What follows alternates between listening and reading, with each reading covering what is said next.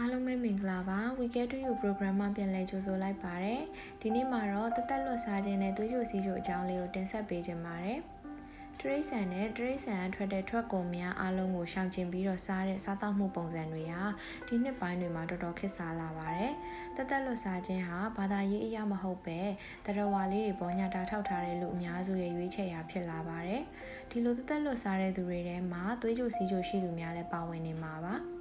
တသက်လွတ်စားခြင်းရဲ့ကျန်းမာရေးကောင်းကျိုးတွေကလည်းတော်တော်များပါတယ်။အပင်ကနေရတဲ့အစားအစာတွေကိုပဲအဓိကစားခြင်းဖြင့်သွေးတိုးကျခြင်း၊သွေးရင်းစီတက်ကျခြင်းစတဲ့အကျိုးများဖြစ်စေပါတယ်။အဝလွန်ခြင်းကလည်းကာကွယ်ပေးတာကြောင့်အမျိုးအစားနှင့်သွေးကြိုစီးကြိုနဲ့နှလုံးရောဂါများဖြစ်ပွားနိုင်ခြင်းကိုလျှော့ချပေးပါတယ်။အသားများအထူးသဖြင့်အနီရောင်ရှိတဲ့အသားများကိုရှောင်ကျဉ်ခြင်းဖြင့်ကင်ဆာဖြစ်ပွားနိုင်ခြင်းကိုလည်းလျှော့ချပေးနိုင်ပါတယ်။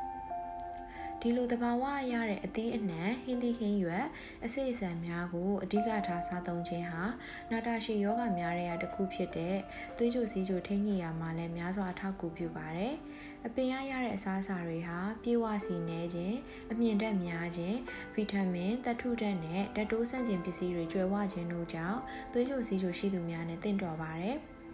ဒါမဲ့လည်းချက်ပြုတ်စားတော့ရမှာစားတကြားအစီစတာတွေလွန်ကဲစွာထိမိရင်တော့ကောင်းကျိုးထက်ဆိုးကျိုးသာပိုများစေမှာပါ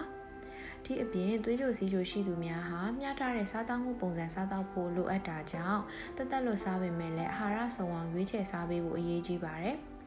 ဥပမာအသားဓာတ်ရဖို့အတွက်ပဲအမျိုးမျိုးပဲနို့အစိအစံများဗီတာမင်များပါဝင်တဲ့ဟင်းသီးဟင်